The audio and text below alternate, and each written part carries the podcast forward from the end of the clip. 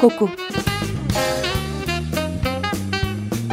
Kokudan gelen ve kokuya giden şeylerin tartışıldığı program.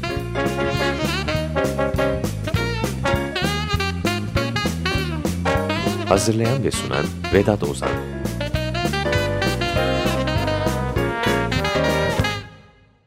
Merhaba ben Vedat Ozan bir koku programına daha hoş geldiniz. Bu haftayı anlamak için geçen haftanın çok kısa bir özetini geçelim ki bu hafta aramıza yeni katılan dinleyicilerimiz de nereden çıktı bu konular demesinler. Efendim meşhur sanayi devriminden bahsederek girdik geçen haftaya. Sanayi devriminin gerçekleşmesi için gerekli sermaye hareketlerinin düzenlenmesinin yani finans sisteminin başlangıcına giderek bu sürecin kapitalizme evrilmesinin geçmişine zayıf da olsa bir ışık tutalım dedik. Marx'ın 1844 el yazmalarındaki bir cümlesine atıfta bulunduk. Neydi bu cümle?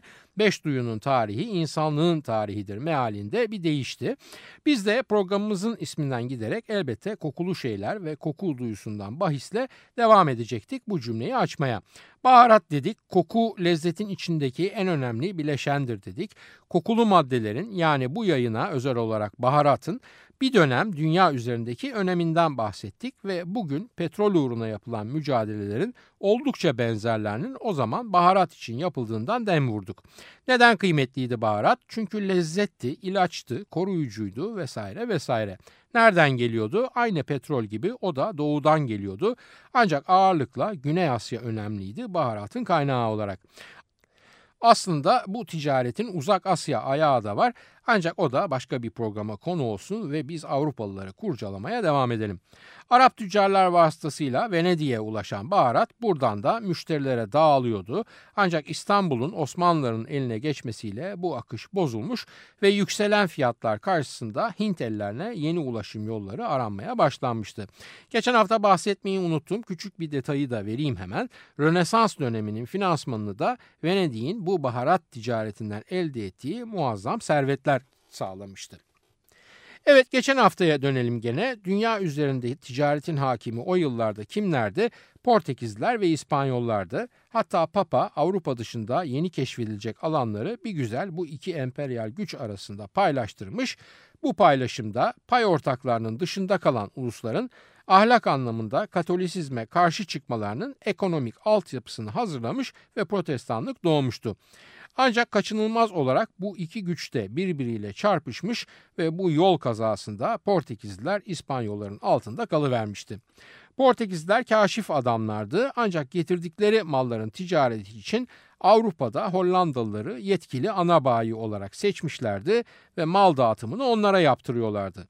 E Portekiz'in güneşi de İspanyol bulutuyla gölgelenince Hollandalılar açıkta kalıvermişlerdi.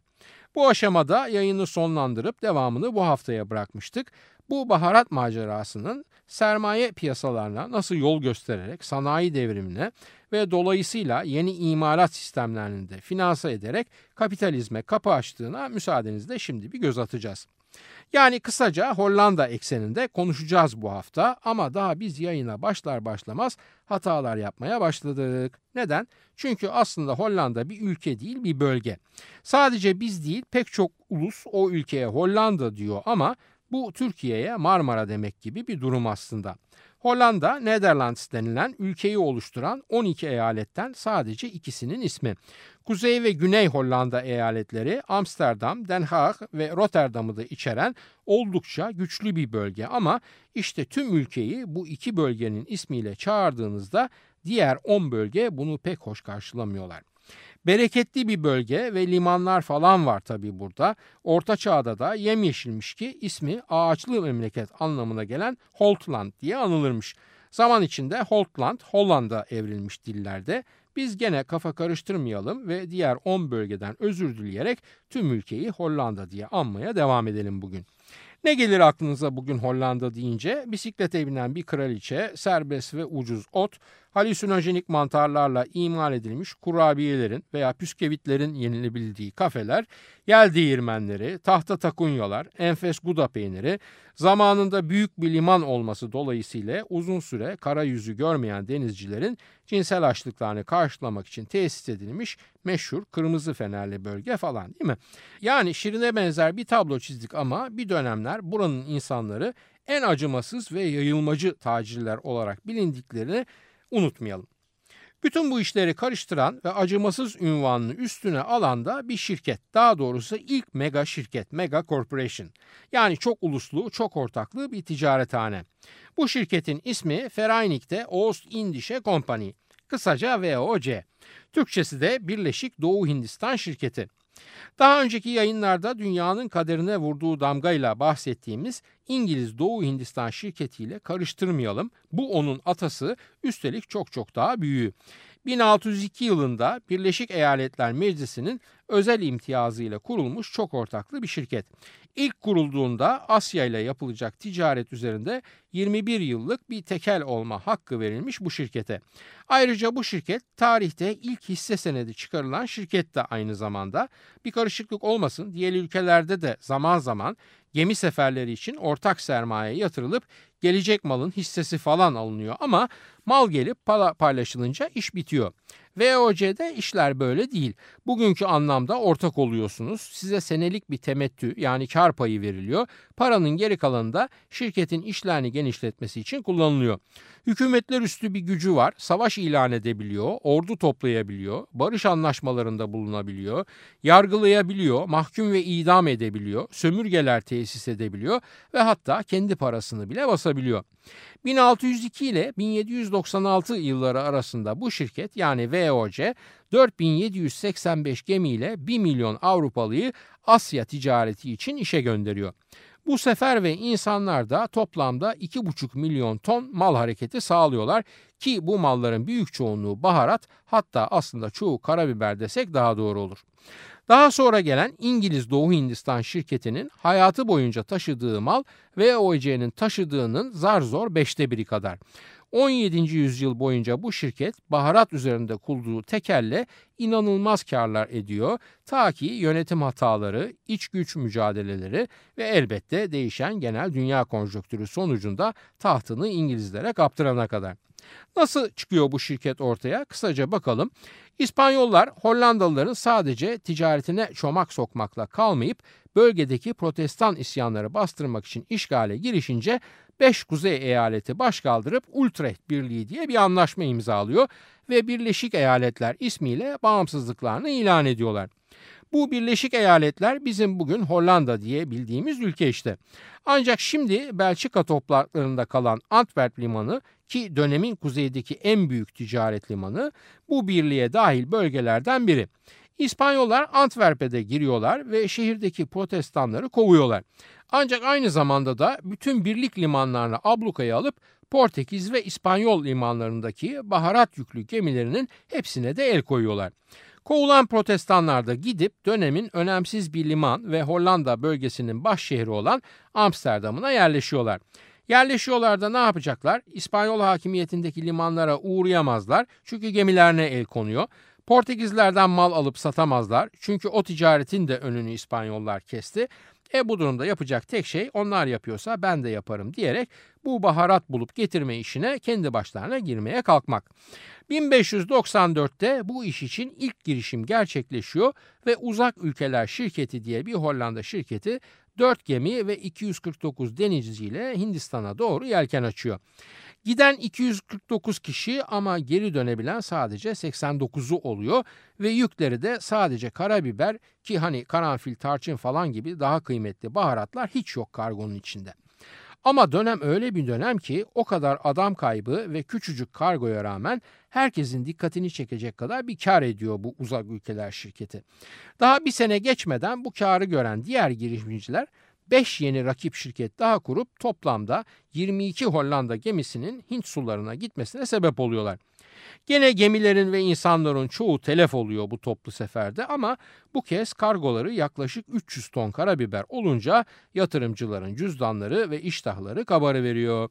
1601 yılına gelindiğinde 65'e çıkıyor sefere giden gemi sayısı ancak işlerinde tadı kaçmaya başlamış durumda. Çünkü bu şirketlerin hepsi birbirine rakip.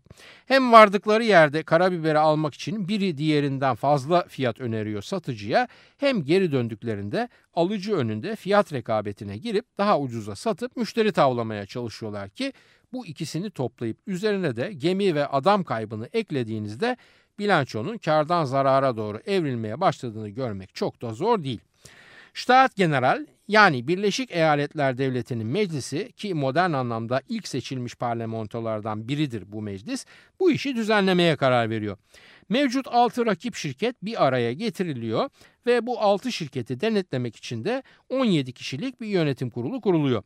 Bu 17 kişilik yönetim kuruluna birliği oluşturan en küçük 4 eyaletten birer kişi, ikinci büyük eyalet olan Zeeland'dan 4 kişi ve en büyük eyalet olan Hollanda eyaletinden de 8 kişi seçiliyor. 17. üye ise dönüşümlü olarak Hollanda eyaleti dışında kalan eyaletlerden birinden seçiliyor ki Hollanda eyaleti şirket üzerinde tek başına söz sahibi olmasın. 1602 yılında yatırımcılar şirkete 6,5 milyon gulden para yatırıyorlar. Bu da bugünün parasıyla yaklaşık 100 milyon Amerikan doları. Bu para gemi sahibi olmak, tayfa kiralamak ve baharatla takas edilmek üzere gümüş ve diğer emtiayı almak amacıyla kullanılıyor. Yatırılan bu sermaye tam anlamıyla sermaye yani yatırımcı paranın hepsini karı ile beraber hemen geri alayım diye bir beklenti içinde değil ve şirketin yıllık temettüsü üzerine oynuyor. Temettüyü de yani kar payını da küçümsemeyin. Çoğu kez yıllık bazda %40'a ulaşan kar payları oluyor hissedarların. O kadar karlı bir iş yani baharat ticareti yapmak. Bu uzun vadeli yatırım fikri bugün için normal gelebilir bize ama o zaman için böyle uzun vadeli bir yatırım söz konusu bile değil ve olay tamamen yatırımcının Birleşik Eyaletler'in finans sistemine olan güveninden kaynaklanıyor. Bakın fiziki olarak Portekiz'den küçük, nüfus olarak da 1,5 milyonluk bir ülkeden bahsediyoruz 1600'lü yıllarda. Zaten o günden beri ülkelerin ticaret hayatında boyuttan çok işlev önem kazanıyor ve kim politik etkinlik, hukuki üstünlük ve en önemlisi finansal olarak daha güçlüyse uluslararası ticarette de o söz sahibi oluyor. Yola çıkıp mega şirket yani mega corporation VOC'yi kurarken yatırımcının güvenini sağlayan yerel bankacılık sisteminden bahsetmiştim az önce. Bu finansal sistemi anlayabilmek için de bir de genel olarak ülkenin o dönemki ekonomik durumuna bakalım isterseniz. Ama önce kısa bir kahve molası verelim ve Man Slipcomp'tan dinleyelim Corina Corina. Corina Corina, why you stay? Corina, Corina, why you stay late night?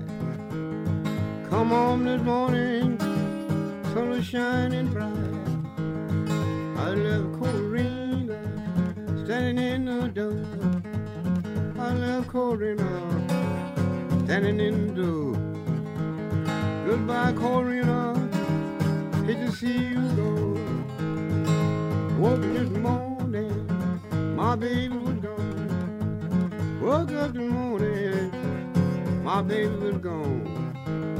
Didn't have nobody to call my own. Oh, baby, what you trying to do? Oh, baby, what you trying to do? Seems like you trying to break my heart in two. Of these mornings won't be long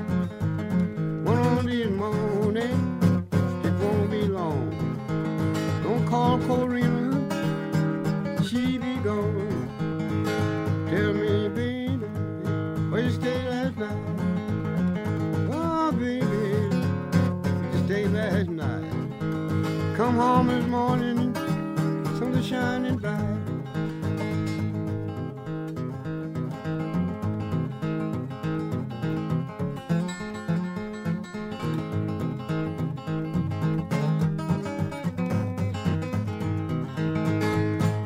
One of these mornings won't be long.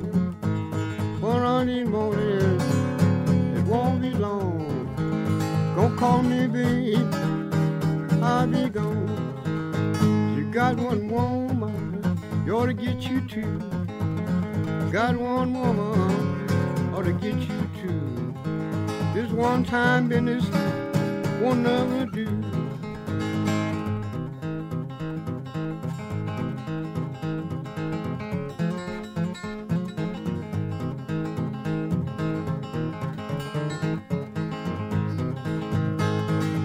Korean.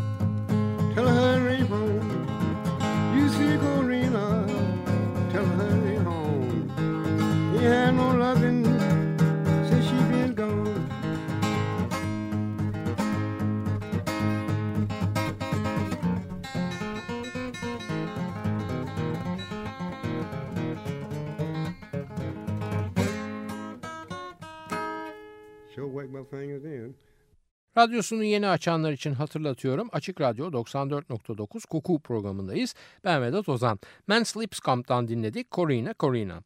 Evet zamanının Birleşik Eyaletleri yani bugünkü Hollanda'nın ekonomik durumuna bir bakalım demiştik.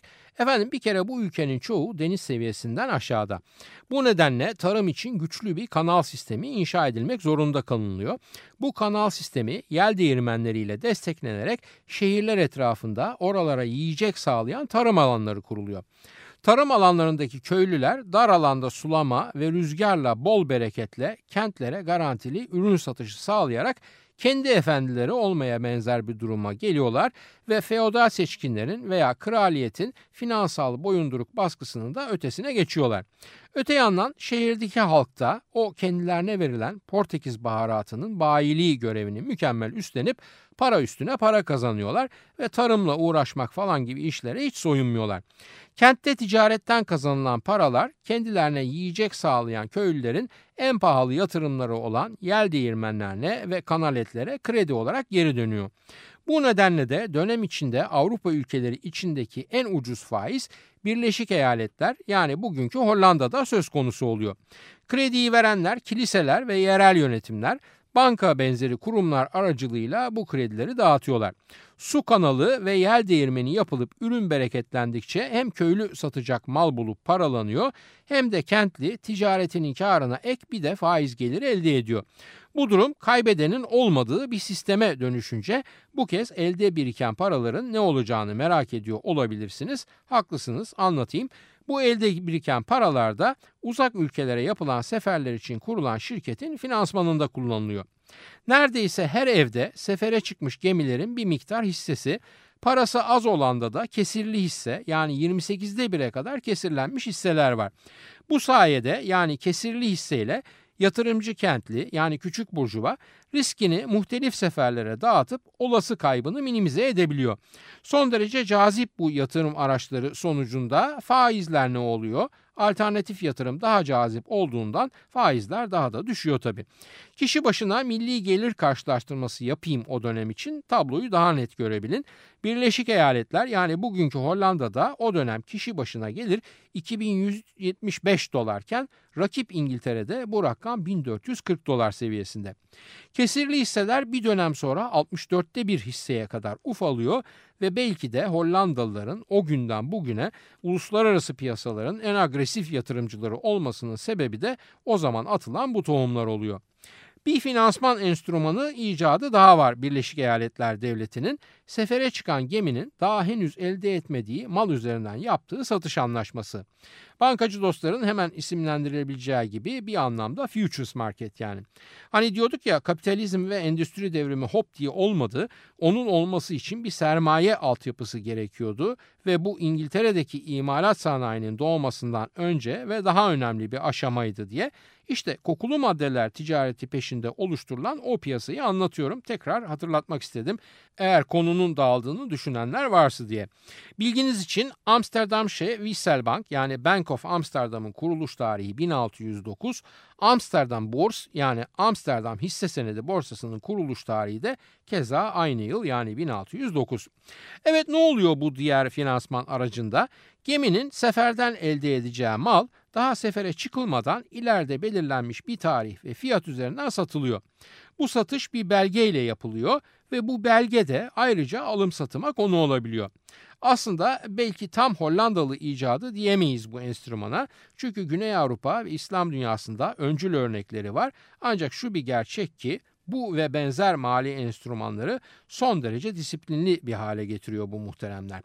Sadece gemi seferi için değil, tarlaya ekilen ürün içinde kullanılabilen sistemle beraber biraz ilkel kalmakla beraber tam bir mali sermaye yani finans kapital piyasasının oluştuğunu söyleyebiliriz 17. yüzyıl Birleşik Eyaletlerinde yani bugünkü Hollanda'da. Peki bu menkul kıymet hareketleri sadece mal üzerinde mi dönüyor? Hayır, VOC'nin yani Hollanda Birleşik Doğu Hindistan şirketinin 17. yüzyılda Hint adalarında yaklaşık 200 gemisi ve 10 bini silahlı kuvvetler olmak üzere 30 bin sürekli insan mevcudu var. Ancak biliyoruz ki gerek hava gerek deniz koşulları gerekse kanlı kıyım ve savaşlar nedeniyle bu insan kaynağında kayıp sayısı oldukça yüksek. Yani işe alınan eleman sayısının en az dörtte biri çok kısa sürede ölüyor. Bu nedenle artık Birleşik Eyaletler kendi nüfusu kendi iş gücünü karşılamaya yetmiyor ve göçmen işçi olayına giriyorlar. Göçmen işçiler de genellikle Almanya'dan geliyor bir diğer protestan ülke vatandaşı olarak. Bu göçmen işçileri işe ikna etmek için özel ekipler var. Bunlara Zielfer Coopers yani ruh satıcıları deniyor. Bunların hedefi Almanya'dan iş ve aş bulmak için gelmiş genç ve bekar Alman delikanlıları. Çoğu kadın olan bu ruh satıcıları bu gençlere bir gemide işe girene kadar yatacak yer ve yemek sağlıyorlar. Hatta çoğu bekar olan bu gençleri bu iş bulma sürecinde başka zevklerle de konuk ediyorlar. Bunun karşılığında şirket tarafından Alman genç gemide işe girdiğinde alacağı maaşın belli bir yüzdesinin bu kadınlara verileceğine dair bir kağıt yani bir nevi menkul kıymet veriliyor. Bu menkul kıymete yani malaş ağacından kesilecek komisyon belgesine transport brief deniyor. Şimdi ruh satıcısı olur da ruh alıcısı olmaz mı? Yani bu kadınlar gemi sefere çıkana kadar masraf edip adamları barındıracaklar yiydirecekler, içirecekler, gerektiğinde altlarına yatıp gönüllerini hoş edecekler vesaire de. Sonunda gemi dünyanın bir ucuna sefere çıktı. Kim bilir ne zaman geri döner. Adamlar gemiyi baharatla doldurup seferden dönüp hak edişlerinin bir kısmı bu hanımlara ödenmeden acil ve güncel nakit para ihtiyaçları nasıl karşılanacak bu hanımların? Efendim burada da devreye ZL Coopers yani ruh alıcıları giriyor. Bunlar belli bir yüzde karşılığında bu transport brief yani ileride hak edilecek maaştan kesilecek komisyonu gösterir belgeyi iskonto ediyorlar. Yani alenen çek senet kırar gibi kırıyorlar. Tahmin edebileceğiniz gibi 17. yüzyıldaki parlak dönem sona erip 18. yüzyıla girildiğinde ve işler bozulup telefart artmaya başladığında bu ZL Coopers'ların yani ruh alıcılarının çoğu iflas ediyorlar. Birleşik Eyaletler'in yani Hollanda'nın altın çağında sefere giden insanların yaklaşık yarım milyonu yolda veya ulaşılan yerde ölüp geri dönemiyor. Hatta VOC şirketi için söylenen bir laf var ki caddeleri işsiz ve dilencilerden temizledi diye ironi bile yapılıyor. Ancak bu düşük kalitedeki eleman istihdamının şirketin sonunu getiren etmenlerden biri olduğunu ve onun ardılı olan yeni mega corporation İngiliz Doğu Hindistan şirketinin asla bu hatayı tekrar etmeyip fazla maaş ve daha kalifiye eleman prensibinden hareket ettiğini bir kenara not düşelim lütfen. Evet neler yapıyor bu şirket? Efendim önce gidip Banda takım adalarında bir merkez üst kuruyorlar. Burada başka uluslarla iş yapan varsa bunları ya kıyımdan geçip öldürüyorlar ya da başka adalara sürüyorlar ve yerlerine Avrupa'dan gelenlerin kontrolünde kendi adamlarını yerleştiriyorlar baharat yetiştirmek üzere. Karanfil satmak için nazlanan sultanları ikinci plana adıp bu adanın muskat cevizlerinin peşine düşüyorlar. Peşinden biraz kanlı olmakla beraber diğer baharat adaları yani Malakaların ele geçirilmesine geliyor sıra ve bu sayede bütün Malay bölgesi kontrolleri altına giriyor. Arada Endonezyalılarla daha rahat iş yapmak için Çin'den göçmenler getiriyorlar. Üzerinde insan yaşamayan Tayvan'a yerleşip ana kıta Çin'den 30 bin işçi kiralıyorlar ve şeker kamışı plantasyonları kurduruyorlar.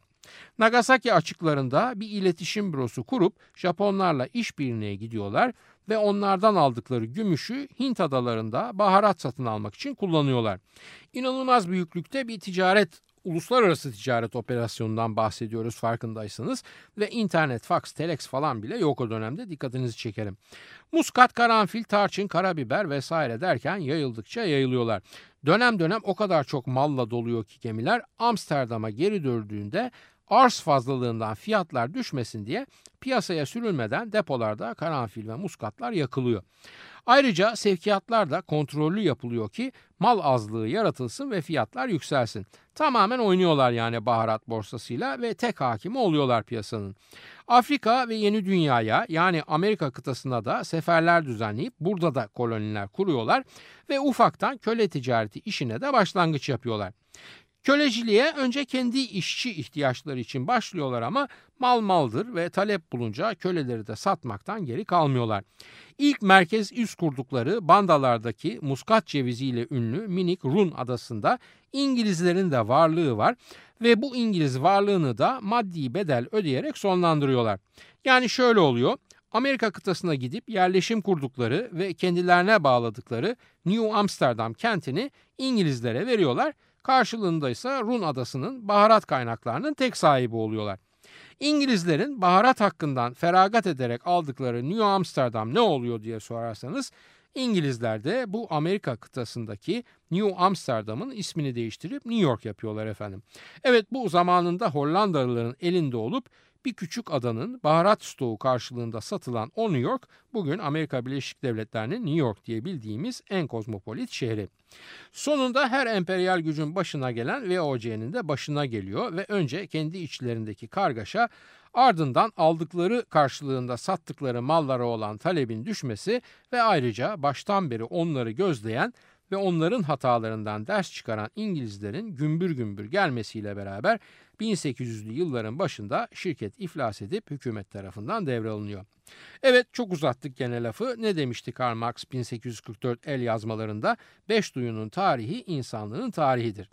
Biz bu tarihin kokulu maddelere yönelik bir kesitini incelemeye çalıştık bu iki hafta boyunca. Baharat ve peşinde kurulan imparatorluklar, var edilen semavi inançlar, yıkılan medeniyetler, keşfedilen yerler, telef olan milyonlarca insan, ilk kez sistemli bir hale gelen sermaye piyasalarıyla bu kesitin son yüzyılı endüstri devriminin de hazırlayıcısı oldu. Aslında bana göre endüstri devrimini takip eden yeni dünya düzenine ait mülkiyet ve emek ilişkileri tam da o zamanlarda başladı. Uzun bir yayın oldu. Fazlaca ekonomi ve tarihten bahsettik iki hafta boyunca ama umarım sıkılmamışsınızdır ve kokunun farklı bir yüzünün önemine de dikkatinizi çekmeyi başarabilmişizdir. Haftaya bir başka kokuda buluşmak üzere hoşçakalın diyorum efendim. Soru, öneri, eleştirileriniz için e-posta adresimizi veriyorum kokuprogrami.yahoo.com Yayınlarımızda adı geçen konulara ilişkin görselleri az sonra facebook.com Taksim Vedat Ozan Koku adresinde de görebilir. Yorum ve sorularınızı oraya da yazabilirsiniz. Ben Vedat Ozan, radyonuz kokusuz kalmasın sevgilerimle.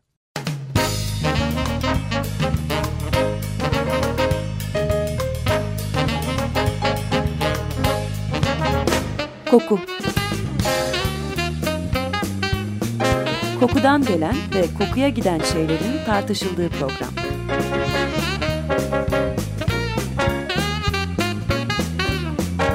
Hazırlayan ve sunan Vedat Ozan